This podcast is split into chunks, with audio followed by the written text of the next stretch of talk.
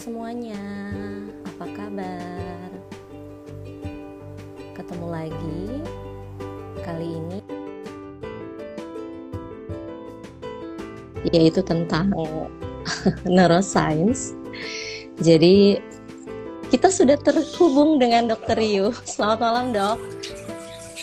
Selamat malam. Dokter lagi di mana? Ini lagi di Strasbourg. Di mana tuh? Paris. Prancis. Ya. Prancis. Di Prancis, ya. Oh, oke. Okay. Dokter sehat ya?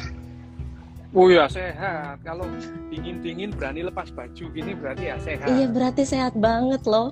Ini udah dingin. Berapa derajat dok di sana? Uh, sekarang ya lumayan sih, nggak nggak terlalu nggak terlalu dingin banget ya. Karena mm -hmm. tadi pagi tadi pagi itu sempat uh, satu derajat, tapi ini sudah lima enam lah. Uh, iya iya, enak ya. Lima enam ya, kalau kalau kalau keluar ya langsung telinga sakit. Gitu. Tapi uh, kalau ini kan uh, di, uh, di di dalam ruangan. Di dalam ruangan. Lah. Nah. Ya, Dokter lagi di sana ada operasi atau lagi ngajar? Lu ya kerjaan memang gini nih. Nah, kerjaan saya kan muter-muter kayak tukang ojek kayak. Keliling-keliling. uh, ini live kedua kita. Sebelumnya kan dua ya. tahun lalu ya dok ya, tahun 2020. Ya, dua tahun lalu, ya. Mm -mm. Uh, jadi kali ini kita mau ngobrolin soal neuroscience gitu, apalagi hmm, yeah, yeah. Uh, uh, dokter kan neurosurgeon yang banyak banget uh, pengikutnya. nah kita pengen uh, tahu perspektif dari seorang uh, dokter bedah saraf. Jadi teman-teman buat yang belum tahu, uh, dokter Yu Hasan ini adalah seorang dokter spesialis bedah saraf yang selain sibuk sebagai seorang dokter, beliau juga banyak uh, mengajar di berbagai perguruan tinggi baik di dalam negeri maupun di luar negeri. Seperti saat ini pun dokter Yu sedang berada di Prancis. Uh, kita akan diskusi, ngobrol dan banyak bertanya uh, kepada Dokter Yu terkait apa itu neuroscience. Jadi uh, hasil bacaan saya yang skimming itu, neuroscience itu adalah ilmu multidisiplin yang uh, banyak sumbangsi dari uh, ilmu lainnya seperti psikologi, kemudian biologi, fisika, kimia, komputer, statistik, medis dan lain-lain. Itu kok uh, luas banget ya dok ya ru ruang lingkupnya. Bisa dijelaskan lebih lanjut nggak? Uh, ya, uh, selamat malam ya di sana malam. Malam. Selamat malam.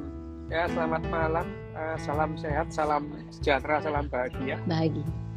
Jadi kalau yang namanya neuroscience itu sendiri adalah ilmu yang mempelajari cara kerja susunan saraf kita. Itu aja. Nah, mm -hmm. Terus kemudian kalau kita mengatakan susunan saraf kita itu menghasilkan apa? yang menghasilkan jiwa, menghasilkan jiwa kita, menghasilkan perilaku, menghasilkan bagaimana kita mengambil keputusan, menghasilkan sifat-sifat mental kita. Gitu. Jadi akhirnya yang namanya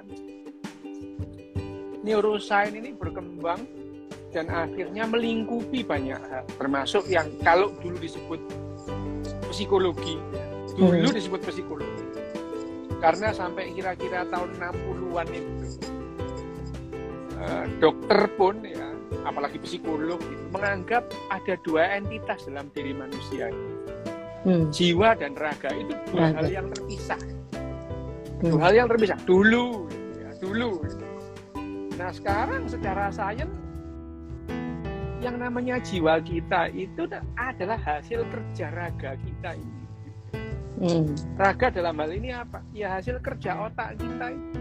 Jadi yang namanya behavior atau perilaku itu, itu adalah hasil kerja otak kita. Nah, dalam hal ini kalau psikologi itu sekarang mempelajarinya sebagai biopsikologi ya. Hmm. Atau psikobiologi jadi hmm. psikis dalam hal ini jiwa itu tidak terpisah dengan dengan raga. Dengan raga kita. Itu jadi sebetulnya psikis itu adalah bagian dari raga kita. Hmm. Hmm. Lu kok terpisah? Iya, seperti suara bisingnya pot itu tidak terpisah dengan kendaraannya. Hmm. Sekarang saya nanya, apakah bisingnya knalpot itu terpisah dengan sepeda motor? Kan tidak. Hmm. Atau atau raungan deru mesin jet. Gitu. Hmm. Apakah itu terpisah dengan mesin jetnya sendiri? Ya tidak. Itu produk dari mesin jetnya itu. Hmm. Hmm. Jadi dalam hal ini yang disebut jiwa itu, ya hasil kerja otak kita. Itu. Nah, hmm. kalau kita memahami uh, sekarang ber, berbicara mengenai disiplin ilmu psikologi atau ilmu kejiwaan dalam neuroscience disebut behavior neuroscience. Hmm. Jadi neuroscience yang mempelajari behavior perilaku. Jadi artinya uh, yang namanya apa namanya pernyataan Nani tadi bahwa neuroscience hmm. itu di, didukung oleh apa namanya tadi banyak sekali cabang ilmu. Hmm. Bukan itu. Hmm. Itu adalah bagian pecahan-pecahan dari yang namanya neuroscience ini. Tidak hmm. ada psikologi neuroscience nggak apa-apa. Iya. Nggak, per, nggak peduli. Gitu. Ya. Uh. Bahkan nggak peduli. Bahkan misalnya temuan-temuan neuroscience itu bertentangan dengan psikologi yang sekarang itu dipegang hmm. orang. Ya terserah. Mm -hmm. Pokoknya saya mm -hmm. begini. Keyakinanmu tentang psikologi berbeda ya beda misalnya ini ya. Mm -hmm. Sampai sekarang orang masih berpegang pada yang namanya psikoanalisa. Masih banyak. Gitu. Iya, iya. Padahal ya, studi terbaru. Mm -hmm Padahal psikoanalisa itu jelas ngarang itu. Yang Freud itu kan ngarang itu. Iya. Tidak ada dasarnya sama sekali Freud itu. Tidak ada dasar ilmiahnya. Itu hmm. betul-betul yang namanya asumsi dari Sigmund Freud. Meskipun Freud. loh ya, hmm. Sigmund Freud itu menyimpulkan dari pengalaman-pengalamannya. Pengalaman menangani iya. pasien, terus kemudian mimpinya pasien, hmm. mimpinya hmm. dia dijadikan satu. Jadilah yang namanya itu tadi psikoanalisa mm-hmm. dan mm-hmm. itu mm-hmm. dipegang ya dipegang oleh dokter-dokter psikiater dan oleh mm-hmm. psikolog selama 80 tahun bayangin aja jadi un untuk menangani kasus-kasus atau kesehatan jiwa dalam waktu 80 tahun lebih itu berpegang pada khayalannya Freud bayangin Freud. aja mm-hmm. Mm-hmm. itu filsafat itu filsafat tidak ada istilah tidak ada apa namanya pijakan ilmiahnya itu enggak ada itu. buktinya hmm. itu enggak ada. Semua itu asumsi dari Freud. Meskipun ya benar itu Freud itu argumentasinya itu masuk akal masuk akal. Iya iya. Ya masuk akal. Tetapi bukan berarti Jung tidak masuk akal loh ya. Hmm, hmm, hmm. muridnya Freud. Freud. Muridnya Freud namanya Carl Gustav Jung itu. Jung. Hmm. mempunyai teori-teori yang sangat ber, bertentangan dengan Sigmund Freud gitu. Mm. Dan argumentasi Jung itu juga masuk akal gitu. Mm. Pertanyaannya sederhana. Lah kenapa psikolog itu milih Freud ketimbang Jung? Ketimbang. Sama-sama masuk akal ya. Mm. Ya sama-sama masuk akal. Nah, tapi itu dulu ya itu. Mm. Itu dulu. Iya. Pada saat tahun 7 tahun 70-an itu terus kemudian tahun 80 awal bahwa orang manik depresi gitu ya. Hmm. Orang manik depresi itu sakitnya itu hilang dengan minum litium.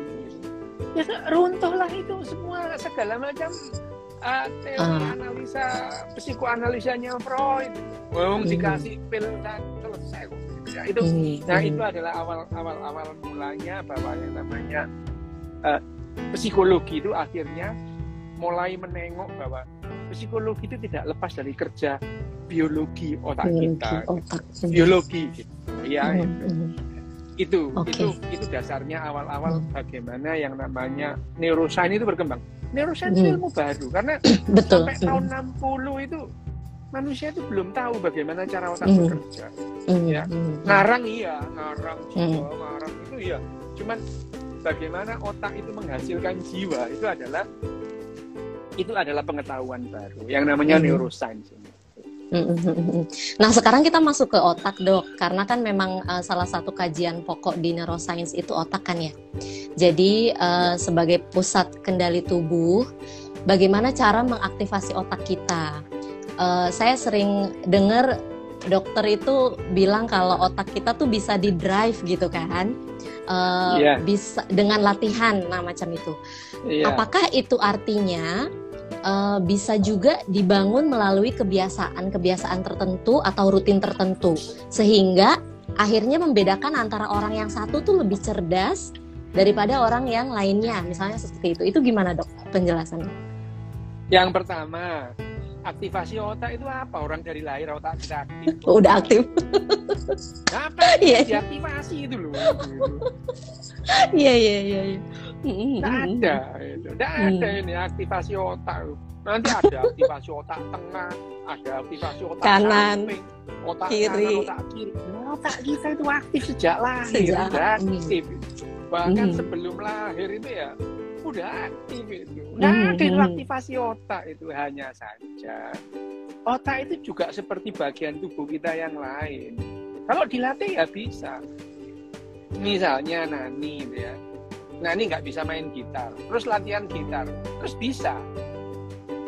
Hmm. Apa yang dia nggak aneh kenapa? Ya memang hmm. hampir semua orang kalau latihan akan bisa latihan gitar.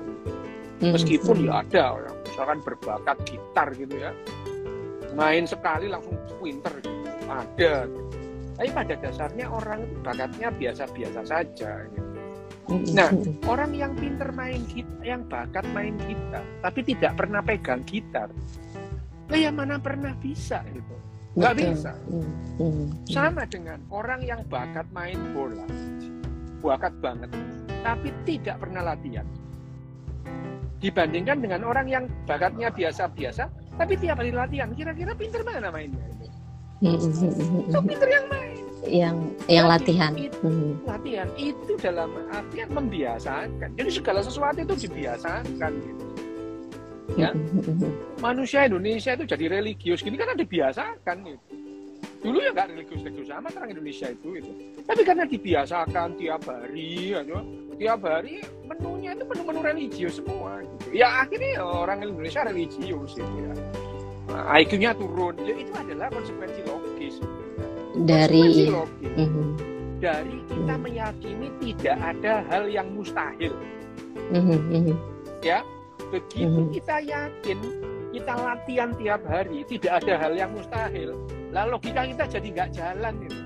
orang yang mm -hmm. yang mustahil itu banyak gitu kamu hmm. berdoa sehari semalam 80 kali ya Nani nggak bisa jadi hmm. cowok nggak hmm. bisa nggak bisa, nah iya iya nah itu kan bertolak belakang dengan ini ya dok yang banyak di kita itu kan uh, motivasi yang pakai kata-kata gitu kan apa semacam afirmasi atau attraction atau apa gitu. Sementara kalau kalau uh, apa yang baru yang baru saja dokter sampaikan itu ya cara ngedrive-nya dengan latihan, bukan dengan dikata-katain begitu ya, termasuk didoain gitu. Ya, yang pertama ya itu, ya hidup ini tidak semudah cocoknya motivator. Gitu ya. hmm, hmm. Nggak mudah. Gampang motivator bilang, oh kamu yakin pasti bisa. Gimana yakin pasti bisa? Kamu yakin nyampe ke utara, tapi jalannya ke barat, bu yakin bisa. Seyakin yakinnya ya gak bakal nyampe Mm-hmm. Ya. ya, kita memahami segala sesuatu termasuk kembali ke neuroscience. Neuro, kembali ke neuroscience. Otak mm-hmm. kita, kamu tidak akan, kita tidak akan bisa melakukan sesuatu hanya di kamu yakin pasti bisa, nggak bisa itu. Latihan itu, mm. latihan, latihan. Misalnya, itu ya. wah kamu pasti bisa mengalahkan Lim Swee King. Gitu. Nggak usah latihan, yang penting yakin. Gimana caranya? Nggak pernah latihan kok gitu. gitu.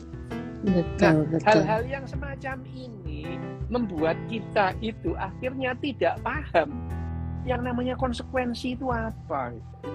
Mm-hmm. Eh, dunia ini konsekuensi kok, ya. Mm-hmm. Kamu nggak makan ya nanti, saya yakin, nggak ya nggak makan tiga hari. Kalau yakin saya pasti kuat. Eh coba deh yakin gitu gitu. Iya iya iya hal-hal yang semacam ini yang mengatakan yang namanya kita membiasakan berpikir logis, kita membiasakan berpikir rasional. Jadi berpikir hmm. rasional, berpikir logis itu juga dibiasakan. Betul.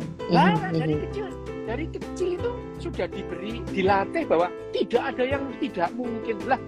ya banyak lah nani yang tidak mungkin Mhm. ya. Mhm. Yang Betul. yang saya sering pakai contoh, kamu melempar sebuah dadu, kamu lempar. Kamu mengharapkan muncul angka 8. Lah ya nggak mungkin, cuma 6 gitu. Ya nggak Mhm. mungkin itu. Bagaimana mungkin kamu melempar dadu mengharapkan keluar angka 9 atau angka 8? Nggak mungkin. Mhm. gitu. Sampai Mhm. 6. Nah, dalam hal ini berpikir rasional itu juga juga latihan gitu. Mhm. Membiasakan. Sama tadi kalau kita berbicara mengenai jika ya, ini konteksnya kan kamu berbicara tentang aktivasi otak gitu. Mhm. Otak Mhm. itu nggak diaktifasi, oh dari, dari Sudah lahir aktif sudah- sejak lahir. aktif, gitu. Hanya saya udah aktif sejak lahir. Iya. Ya. Iya, iya. Banyak iya. yang tidak mungkin dan kalau kita ini apa namanya eh, yang yang yang kita ini yang memahami bahwa yang mungkin itu ini kemungkinan besar sekian kemungkinan kecilnya itu yang perlu dipahami. Mhm. Nah, Mhm. kalau kita itu membiasakan kalian, jadi kita itu otak kita itu nggak canggih-canggih amat kok, gitu. Ya nggak canggih-canggih amat. Kamu itu pinter dalam satu hal, dalam banyak hal jadi lebih bodoh dari nenek moyang kita. kok. Iya, iya. Nggak iya. bisa itu. Oh, Saya, saya itu ya. Saya mungkin paham yang namanya neuroscience gitu ya. Tapi disuruh masak nggak bisa gitu. Nggak bisa gitu. Disuruh berburu ya nggak bisa. Disuruh Tergantung bertani, kebiasaan ya, Dok ya.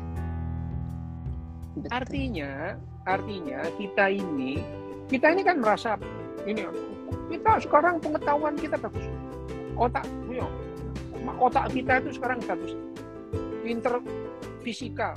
Enggak kok kamu nggak ngerti fisika, yang ngerti ahli fisika, kamu nggak paham gitu. Meskipun dunia sekarang itu sudah sampai yang namanya fisika itu mempelajari mekanika kuantum. Lah kamu nggak ngerti apa-apa soal mekanika kuantum gitu. Nggak ngerti apa-apa itu. Mekanika kuantum itu ahlinya ya Stephen Hawking. gitu. Lah kita akhirnya lari ke kuantum ikhlas loh. Kok kuantum ikhlas itu? Ngarang gitu. Dokter, ini ada apa? Mhm. Ada pertanyaan dari eh, yang join. Ini kaitannya sama latihan tadi. Jadi Ya. kalau ada anak ASD eh, lalu diterapi, apa itu berarti otaknya dilatih atau bagaimana? Eh, autism syndrome disorder ya ASD. Heeh. Lah jangankan ASD gitu ya. Mhm. Orang main gitar aja otaknya dilatih kok. Mhm, mhm. Ya, eh, kita kan nggak ada ngomong. Yang namanya latihan gitar, itu yang dilatih apanya? Oh, Coba, keterampilan eh, keterampilan untuk menghafal kunci, kemudian menerapkan apa Tanganmu- gimana ya Yang meng- yang menggerakkan tangan ini gimana? otak Ya, ya otak itu. iya iya iya Ya, jadi menghafalkan kunci, terus kemudian mengira-ngira larinya ke mana, ini irama. Itu adalah kemampuan otak kita. Ya, jadi iya jangankan menterapi, memberikan terapi pada anak ASD. Latihan gitar aja loh, itu latihan otak kita. Ya, gitu. Jadi kalau misalkan mengatakan apakah memberikan terapi pada anak-anak autis itu melatih otak, gitu. Lah enggak, ya, ki- ya memang iya. Wong pramuka aja melatih otak. Pramuka itu loh, ya. Hmm, Ikut hmm. pramuka itu melatih otak gitu. Otak kita ikut pramuka, baris berbaris, voli dalam rangka Mhm. latihan otak kita. Oh, Otak kita itu misalnya kalau Nani ini mau belajar bulu tangkis gitu ya. Misalnya mau belajar bulu tangkis. Di lapangan bulu tangkis sehari 8 jam. Dalam rangka otaknya Nani itu menghafal gerakan-gerakan Gerakan. semua yang kejadian yang ada dalam dalam bulu tangkis itu. Jadi kalau orang Mhm. itu sudah tangannya bergerak ke sana, oh dia akan memukul ke daerah sini. Itu direkam oleh otak kita. Dan kita tidak menyadari penuh itu. Pada saat kemudian lawan itu melakukan smash itu terus kita otomatis bergerak itu itu bukan bukan bukan refleks itu adalah gerakan-gerakan hasil latihan. ya sama dengan kalau Nani naik naik sepeda itu hasil latihan gitu. Hasil latihan. Menulis hasil latihan. Nani makan itu hasil latihan. Nani menggunakan jilbabnya itu dulu hasil latihan. Sekarang itu setelah udah ribuan kali sambil ngobrol ya masang bisa gitu. betul. Itu hasil latihan semua. Nah, itu latihan-latihan itu yang membuat yang namanya memori implisit dalam dalam otak kita. Gitu. Memori hmm. implisit. Nah, memori implisit itu yang mendrive setiap saat. Nah, memori implisit itu yang disebut sebagai otak otak apa? Otak, otak emosi. Emosi. Iya, itu otak emosi itu memori implisit itu. -hmm. Nah, -hmm jadi ya sebetulnya otak kita itu nggak canggih-canggih amat kok, nggak canggih-canggih amat. Kita aja merasa hebat, kita aja merasa hebat. Otak kita nggak canggih-canggih. Bahwa rumit iya. Iya, complicated ya rumit. dok ya. Mm-hmm. Rumit. Mm-hmm. Jadi otakmu itu serumit otaknya wedus sama sama rumitnya. Dok, tadi pertanyaan Jadi, awal belum belum kejawab tuh dok, yang apa? Uh, membedakan tingkat kecerdasan orang yang satu dengan yang lain itu, yeah. apakah itu uh, genetik juga atau faktor dari uh, makanan yang dikonsumsi atau sistem pendidikan yang diterima itu gimana dok? Kalau yang kamu bicarakan itu adalah pengetahuan kognitif aja yang kamu hmm. yang ini loh ya pengetahuan kognitif. Jadi menurut yang yang kamu tanyakan tadi itu bukan kecerdasan sih, itu pengetahuan kognitif aja itu. Hmm. Ya, jadi orang misalkan yang dilihat dari nilai akademik, ya. Jadi kalau yang kamu yang kamu tanyakan itu adalah pengetahuan akademik, itu bukan kecerdasan. Hmm. hmm, hmm. Ya, itu bukan kecerdasan. Kalau aku nanya, uh, misalkan kecoa cerdas nggak? Lah cerdas. Dia selama 500 juta tahun masih bertahan kok hidupnya. Hmm. Cerdas kecoa itu gitu. Jadi kecoa punya kecerdasan. Tikus punya kecerdasan. Manusia punya kecerdasan. Kalau ditanya, cerdas mana? Sama-sama cerdas. Hanya saja kecerdasannya berbeda. Berbeda. Ya, sama-sama cerdas. Kecoa hmm. punya kecerdasan. Ya, jamur punya kecerdasan ikan punya kecerdasannya sendiri. Gitu. Hmm. Kalau ditanya, lebih cerdas mana ikan dengan manusia? Gitu. Pertanyaannya ya ikan mana dulu gitu, gitu ya. Hmm. Ya, hmm. misalkan kalau dibandingkan dengan kecoa, secara individual gitu ya, ya yang namanya kecerdasan itu adalah bagaimana seberapa cerdas dia se, se, satu individu itu mempertahankan kehidupannya Kehidupan. selama yang dimungkinkan. Hmm. Jadi kecoa punya kecerdasan. Yang namanya anjing juga punya kecerdasan. Pertanyaannya kalau sering kali orang itu mem membandingkan pengetahuan manusia dengan, dengan pengetahuan hewan lain. Dan kemudian mereka, oh manusia mengatakan manusia lebih cerdas daripada anjing misalnya enggak enggak gitu caranya kehidupan itu enggak seperti itu gitu ya hmm. yang namanya kecerdasan individual adalah seberapa besar kamu seberapa seberapa bisa dia mempertahankan hidupnya selama yang dimungkinkan gitu. Hmm. Nah, manusia dalam hal ini kalau sekarang secara individual kecerdasan untuk mempertahankan dirinya itu rendah banget gitu. Rendah Coba lah, kamu nggak percaya, besok kamu ke hutan sendirian. Coba bertahanlah berapa lama. Iya, iya. Kamu Karena kita hmm, hari ini kita dimanjakan sama teknologi dan lain-lain gitu ya dok ya. Bukan dimanjakan, ya emang kehidupan ini kehidupan, gini, bergerak. ada. Hmm. istilahnya manja-manja itu yang nggak ada. Itu istilahnya alibahasa saja itu. Kita dimanjakan teknologi. Apa gitu? Itu sama aja dengan orang itu. Hmm. Ayo kita menyatu dengan alam. Lah, kamu merasa bukan bagian dari alam? Bagian dari alam. Hmm. Iya, ya, iya. Kita, ayo kita menyatu dengan alam. Loh, kamu itu tidak pernah terpisah dari, dari alam itu. Kita ini bagian dari alam. Bagaimana mungkin kita merasa, ayo kita menyatu dengan alam. Lah selama ini kamu ke mana? Gitu. Hmm. Ini sok-sokan aja manusia ini ya. Merasa, hmm. merasa, uh, kita menguasai alam semesta apaan sih gitu, gitu ya. Sama, secara kecerdasan, kecer kita kecerdasan individual itu rendah. Hanya saja hmm. kecerdasan kolektif manusia bagus banget sekarang gitu ya. Hmm. Kecerdasan kolektif manusia. Tapi kecerdasan individual manusia jelek banget gitu. Kamu Aha. pergi dia di hutan sana. Coba berapa lama bisa bertahan? Enggak bisa lama gitu. Kecoa kamu hmm. di hutan. Oh, berminggu-minggu, berbulan-bulan hidup ya. Gitu. Jadi dalam hal bertahan hidup di hutan, kecoa itu lebih cerdas daripada kita.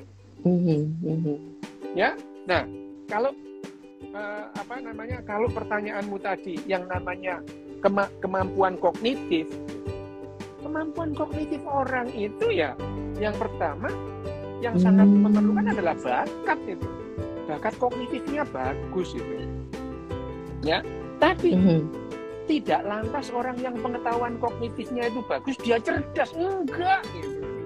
I see. Ya? hmm. iya dok. Enggak. Gitu jangan dibilang yang namanya juara kelas itu pasti cerdas. Enggak. Belum tentu sering kali iya. blon sering kali blon dia nggak bisa beneran ini gitu kan? iya iya iya. Belum tentu bisa survive gitu ya dok ya? Loh jangankan gitu. Berhubungan dengan orang lain aja dia nggak bisa kok gitu. Mhm, seperti aku ini nan ya aku dulu nggak pernah kesulitan dalam pelajaran tapi kesulitan dalam hal berkomunikasi gitu. blow on banget aku ini berkomunikasi gitu. Iya beneran itu. Iya iya. oh, jadi ya misalnya aku ini juara mulai SMP juara SMA juara tapi setiap kali aku ngomong orang marah sama aku gitu, gitu. Blown banget aku ini gitu tapi ini orang-orang nungguin uh, Dok Des misuh-misuh katanya. lah iya. Ya ini artinya yang namanya yang yang yang Nani tanyakan tadi tentang kecerdasan hmm. itu cuma pengetahuan kognitif aja itu bukan kecerdasan bukan kecerdasan pengetahuan kognitif itu tidak ada urusannya dengan makan lah kamu kira terus minum apa namanya kapsul pinter terus kemudian anak jadi hmm. juara kelas nggak ada yang gitu gitu nggak hmm. ada gitu. iya, iya, jadi iya. anak anak anak itu juara kelas itu pada dasarnya dia itu sudah bakat dalam pengetahuan kognitifnya gitu ya hmm. tapi pengetahuan kognitif itu bukan berarti anak itu cerdas. Enggak, cerdas. Gitu. Mm-hmm. Enggak. Gitu. Dia hanya pinter masalah kognitif gitu ya. Misalkan nyambung, ditanya matematika langsung nyambung gitu ya. Nyambung mm-hmm. gitu ya. Tapi terus kemudian diajak berteman nggak bisa gitu. Iya, iya. Nggak bisa. Jadi Oh iya, Dok. Sekarang sekarang misalkan contohnya gini. Jarang banget gitu ya. Jarang banget. Jarang banget anak IPA gitu ya juara kelas hmm. itu terus kemudian dia itu punya teman banyak di luar sana enggak gitu hmm. enggak gitu. Sekarang secara sosial lebih cerdas mana? Antara iya. Ya IPS berarti mungkin kan? Tidak ada hubungan langsung gitu. anak IPS hmm, yang betul. juga banyak dalam hal berkomunikasi. Iya iya iya ya. nah gitu, dok. ya, ya. Aha, iya. Ini ada pertanyaan katanya dari Shelly Chan, nanya serius dan siap kena pisuh. Bagaimana cara melatih otak untuk menajamkan logika yang tumpul karena cinta? Katanya gitu dok. Itu saya juga pengen ketawa banget sih.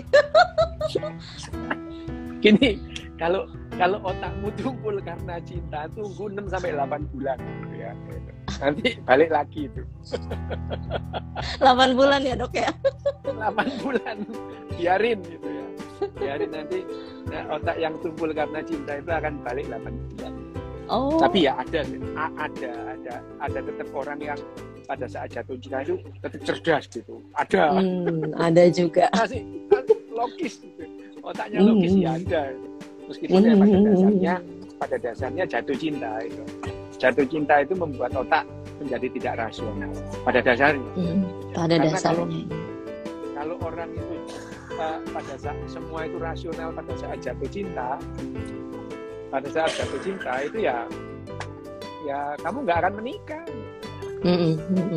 nggak akan menikah. Urusan urusan urusan jatuh cinta itu memang tidak logis. Nanti kalau apa namanya kalau kalau sudah jatuh cintanya hilang itu logis. Biasanya misalnya kamu jatuh cinta ya Nan ya sama cowok ya. Kamu nggak logis kok. Kamu lebih percaya cowokmu daripada orang tuamu. Hmm. Iya, digombalin percaya kamu itu. Kamu lebih percaya dari, kepada cowokmu yang baru kenal tiga minggu ketimbang orang tuamu yang kamu kenal sejak kecil. Seumur hidup. Iya. Rasional enggak gitu? Nah, hmm. enggak. Hmm. Tapi kalau kamu rasional, nggak bakal nikah kamu nggak bakal nggak mm -hmm. bakal bisa dibohongin gitu nggak bisa gitu. mm -hmm. justru karena kamu nggak rasional dibohongin cowok gampang aja gitu mungkin itu yang menyebabkan uh, belum menikah nikah karena rasional gitu ya dok ya belum itu by the way tadi yang 8 bulan itu serius dok itu iya. serius ah iya Oh gitu, oke. Okay. Iya. Dok, ini ada pertanyaan lagi dari Dwi Murniati. Apakah otak punya batas kemampuan untuk berpikir? Jelas, punya. Hmm. Punya. Ada batasnya. Kepa hmm. Kepandaian orang itu ada batasnya. Kegoblokan yang nggak ada batasnya. Ah. Kepinteran orang itu terbatas, tapi kegoblokannya tanpa batas. Hmm. Hmm. Hmm ya jelas otak kita itu banyak itu misalnya itu kecepatan kita menghitung kalah sama sama kalkulator penjual tahu. Mm, mm, mm. kemampuanmu berbahasa ya kalah lah sama kamus itu. Ya. itu Apa? bukti ya dok ya? Ada. Udah jelas otak kita itu punya batas itu jelas. Nah sekarang bagaimana membuat sebetulnya gini. Otak kita sekarang itu bekerja sama dengan artificial intelligence. Sudah lama. iya, iya mm-hmm. ya sudah lama. Itu seperti gini loh ini ya kita itu jalan lari kecepatan kita terbatas mm-hmm. sangat terbatas kecepatan nah supaya lebih cepat kita naik motor kita naik sepeda naik mobil dalam artian kita mem kita bisa melampaui batas-batas kemampuan fisik kita. Mm-hmm. Sama, kamu sulit mengingat-ingat gampang googling langsung inget. Hmm. Oh ya gitu. Googling itu bukan mencari informasi baru. Bagi kita yang penting adalah informasi-informasi yang sudah lama dan ingin kita ketahui terus kemudian kita satukan ya gitu. Sama gitu. Jadi sebetulnya kamu googling terus kamu pakai kalkulator gitu. Sebetulnya sama dengan kita kedinginan pakai jaket ya. Mm -hmm. Mau jalan pakai mobil itu dalam rangka kita melampaui batasan-batasan kemampuan fisik kita. Fisik. Hmm. Otak kita punya batas kemampuan pula. Tetapi dibantu dengan komputer, dibantu dengan yang lain itu, kita bisa melampaui itu semua.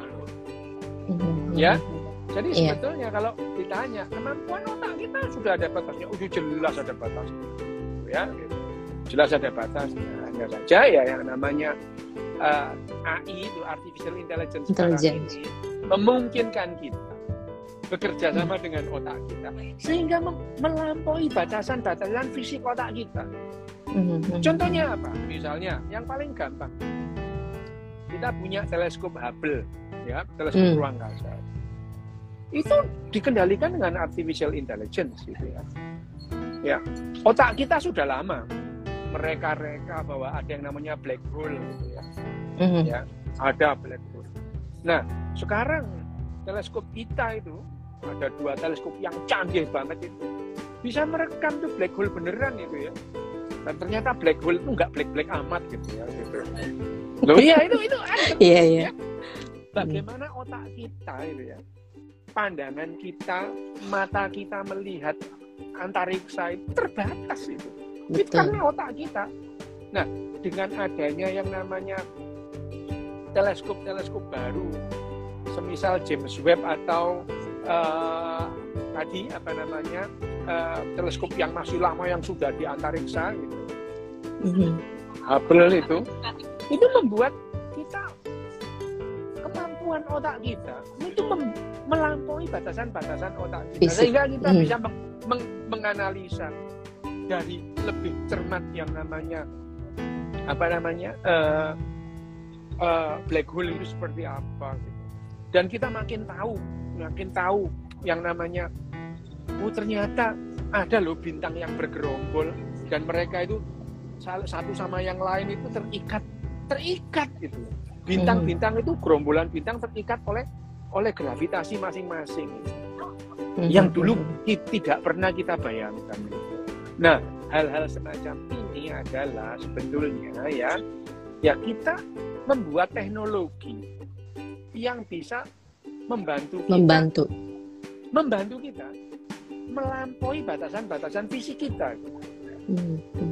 Ya, ini yang yang menjadi itu yang disebut pengetahuan. Ya, pengetahuan. Hmm.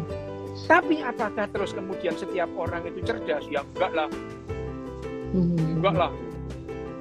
Orang kalian kalau ngomong soal apa namanya apa olah pengetahuan itu terus ngomongnya pengetahuan kan ada batasnya ilmunya lembut lebih tinggi lagi gitu alasannya. Yang gitu.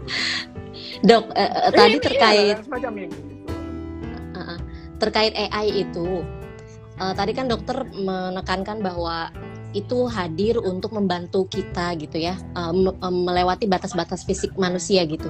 Nah dimungkinkan nggak sih kalau AI-nya aja itu bisa melampaui kecerdasan manusia itu sendiri dan uh, bisa nggak menggantikan fungsi otak manusia secara keseluruhan? Lah kan sudah. Lah kan kamu sudah dilampaui robot. Kamu kemampuanmu kan sudah mm -hmm. dilampaui robot. Mm -hmm coba kemampuanmu terus dilampaui robot. Ada robot yang sekarang berwarga negara uh, apa uh, Saudi Arabia. Ya. Dalam banyak hal kamu kalah sudah. Kamu kalah hmm. cantik. Kamu kalah cantik, terus, terus kalah kalah, kalah pintar. Kalah pinter, terus kalah ramah itu. Hmm, apa hmm, gitu. Jadi Berarti sudah ya, Dok ya. Udah gitu.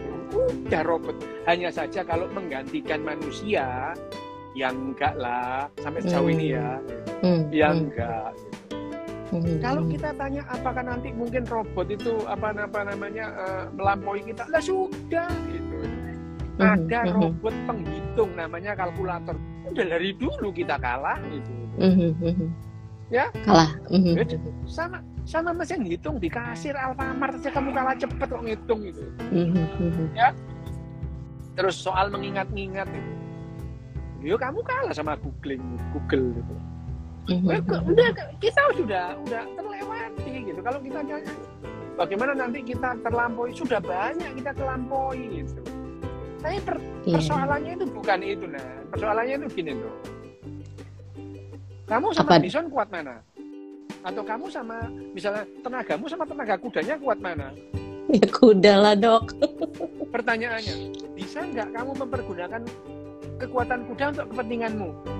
Enggak. Lah itu yang bisa naik kuda kamu bisa kok itu.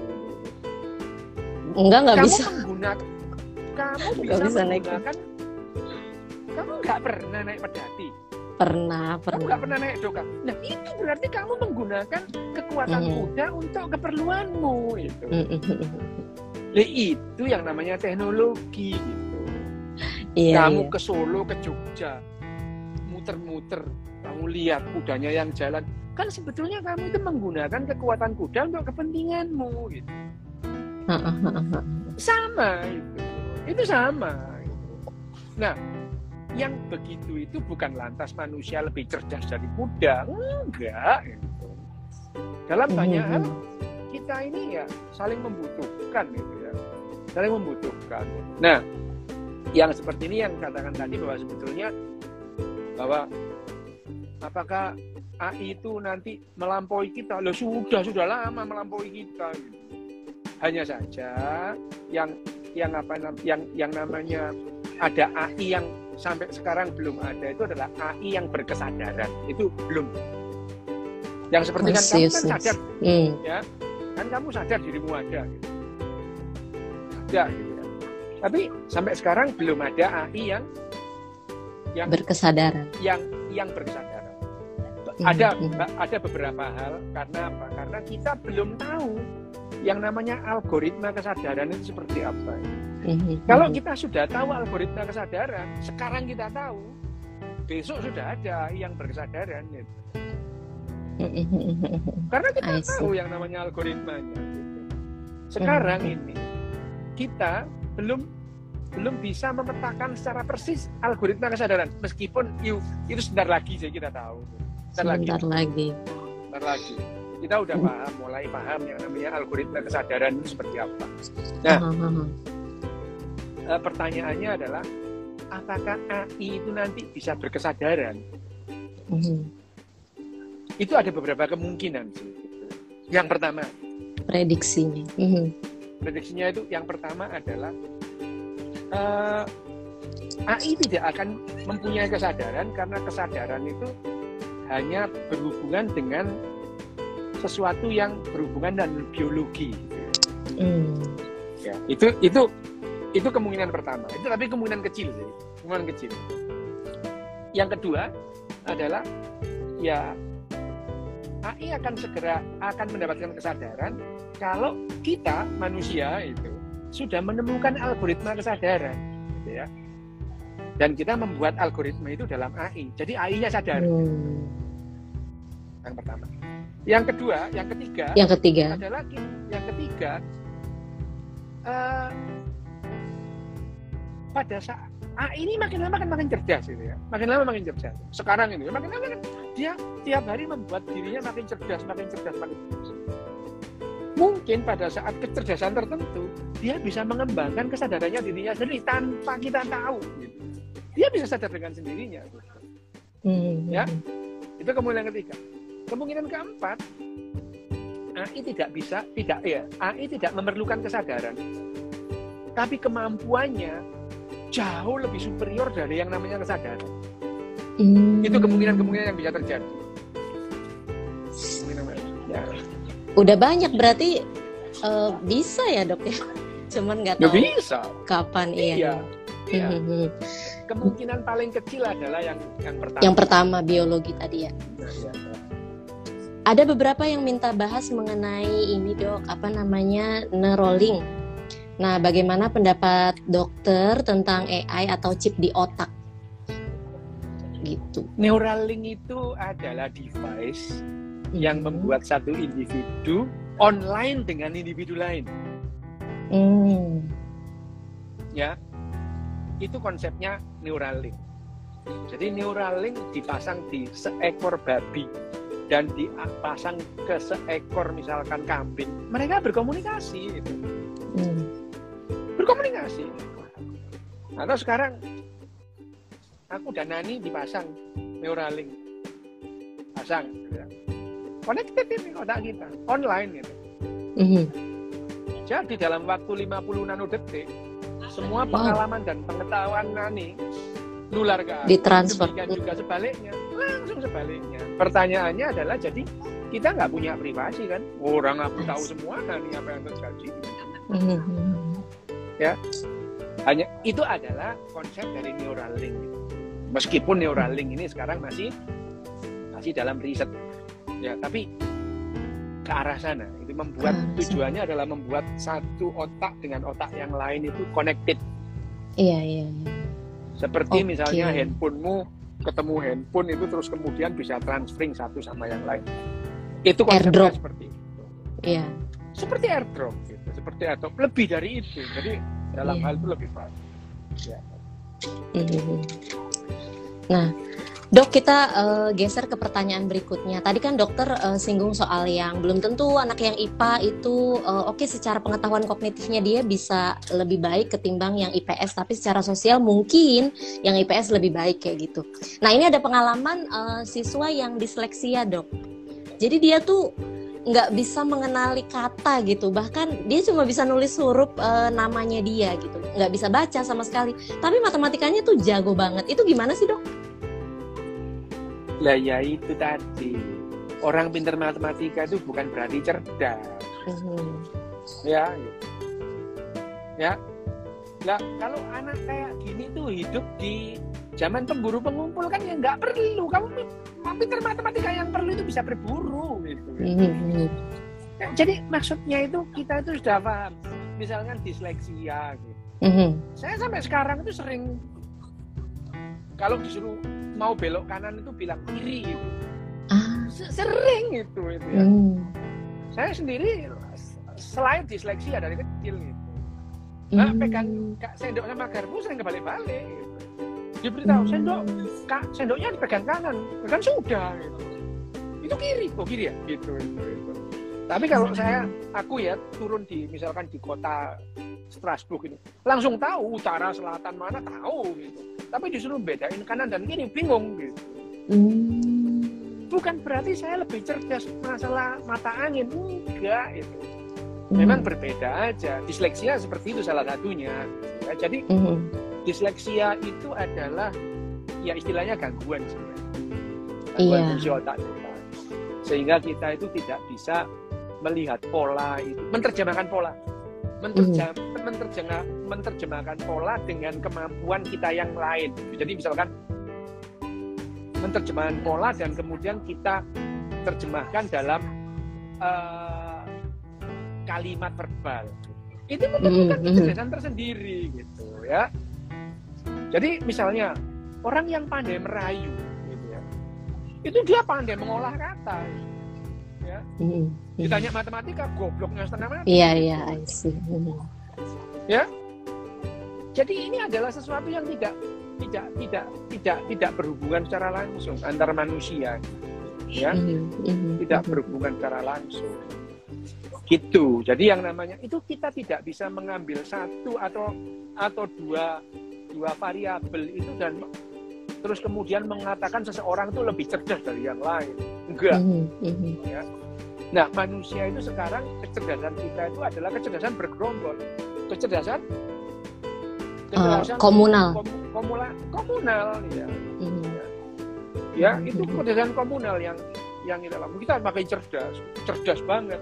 Tapi kalau begitu kita sendiri-sendiri, kecerdasan bergerombol kita hilang.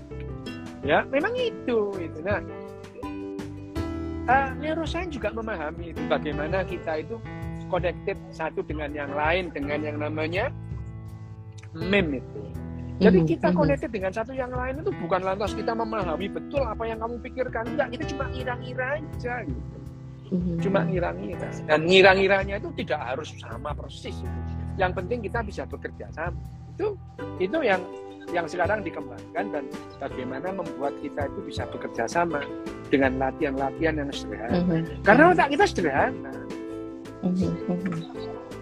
Oke, okay.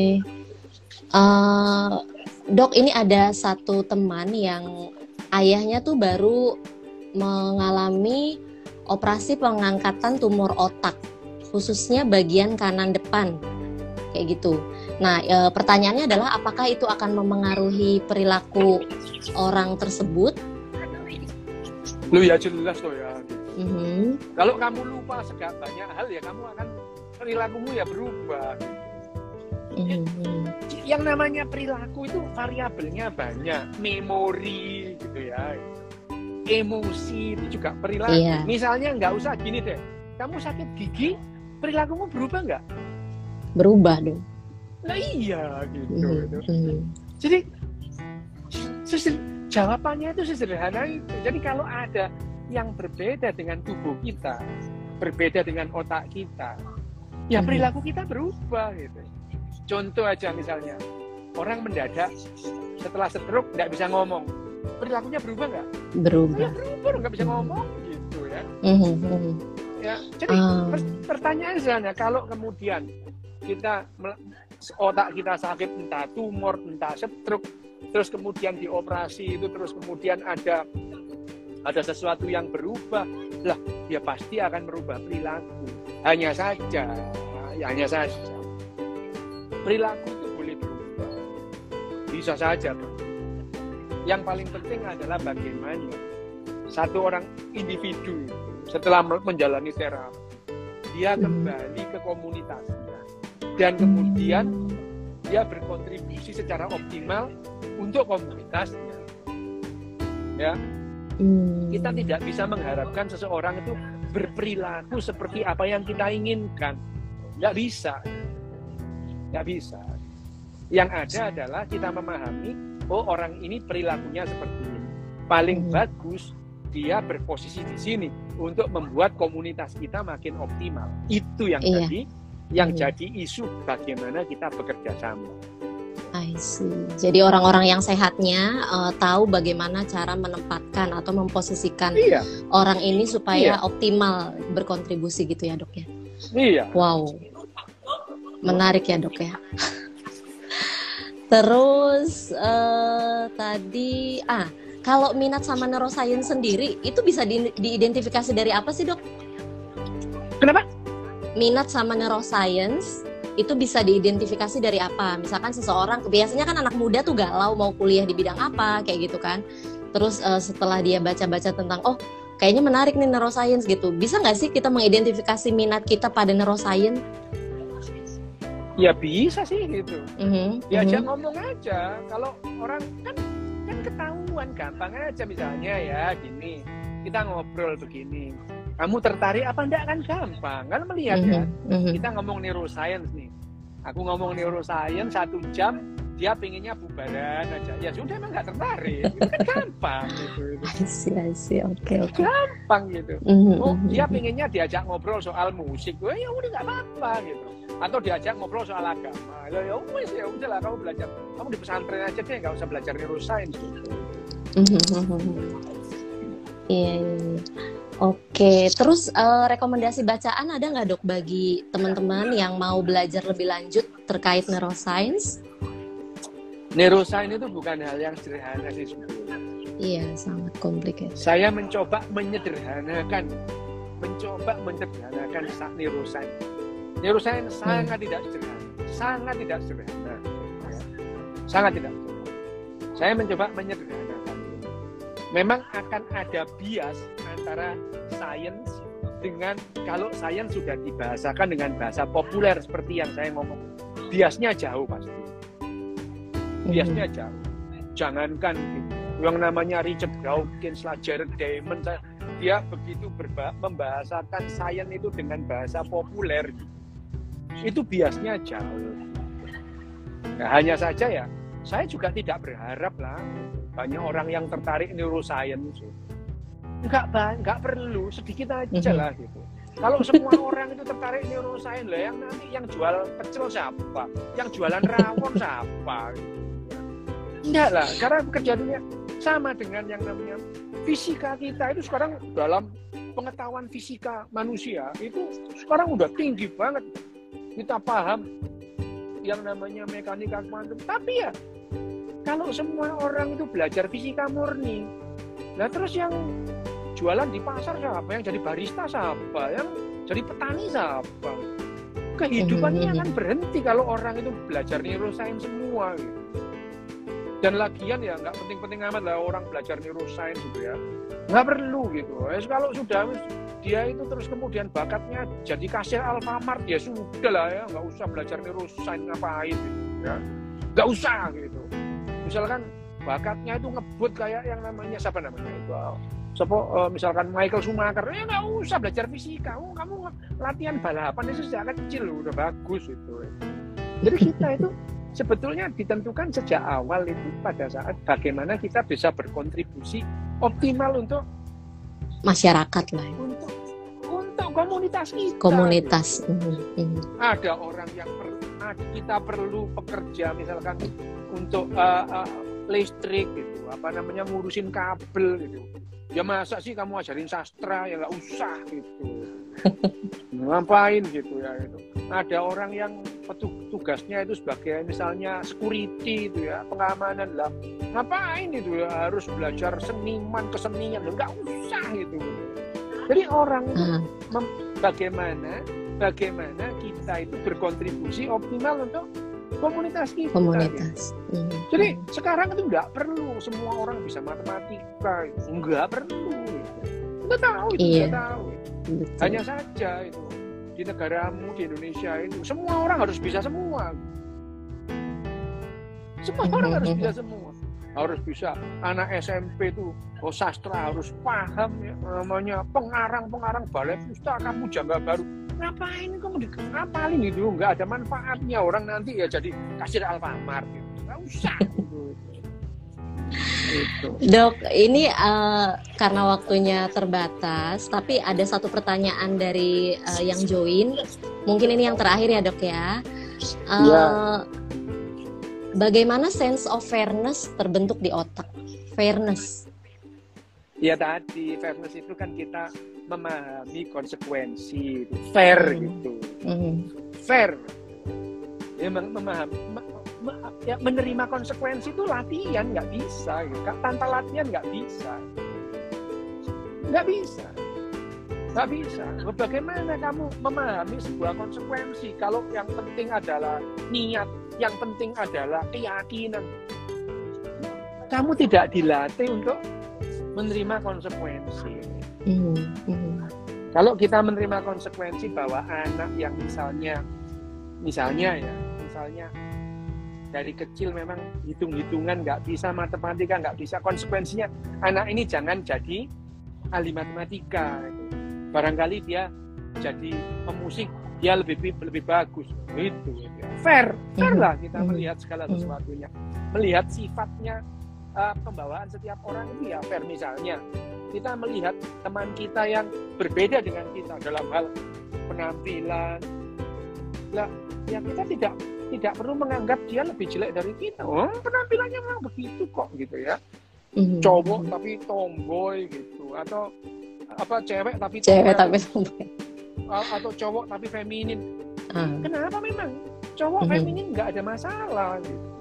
Tapi kalau kita mm-hmm. nggak mm-hmm. fair mengatakan yang begitu itu nggak normal gitu. Mm-hmm. Ini yang jadi jadi ini jadi isu sekarang gitu. Jadi isu sekarang. Gitu jadi isu kita tidak bisa menerima kondisi orang lain.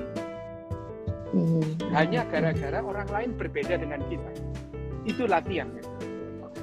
Latihan menerima konsekuensi, ya betul.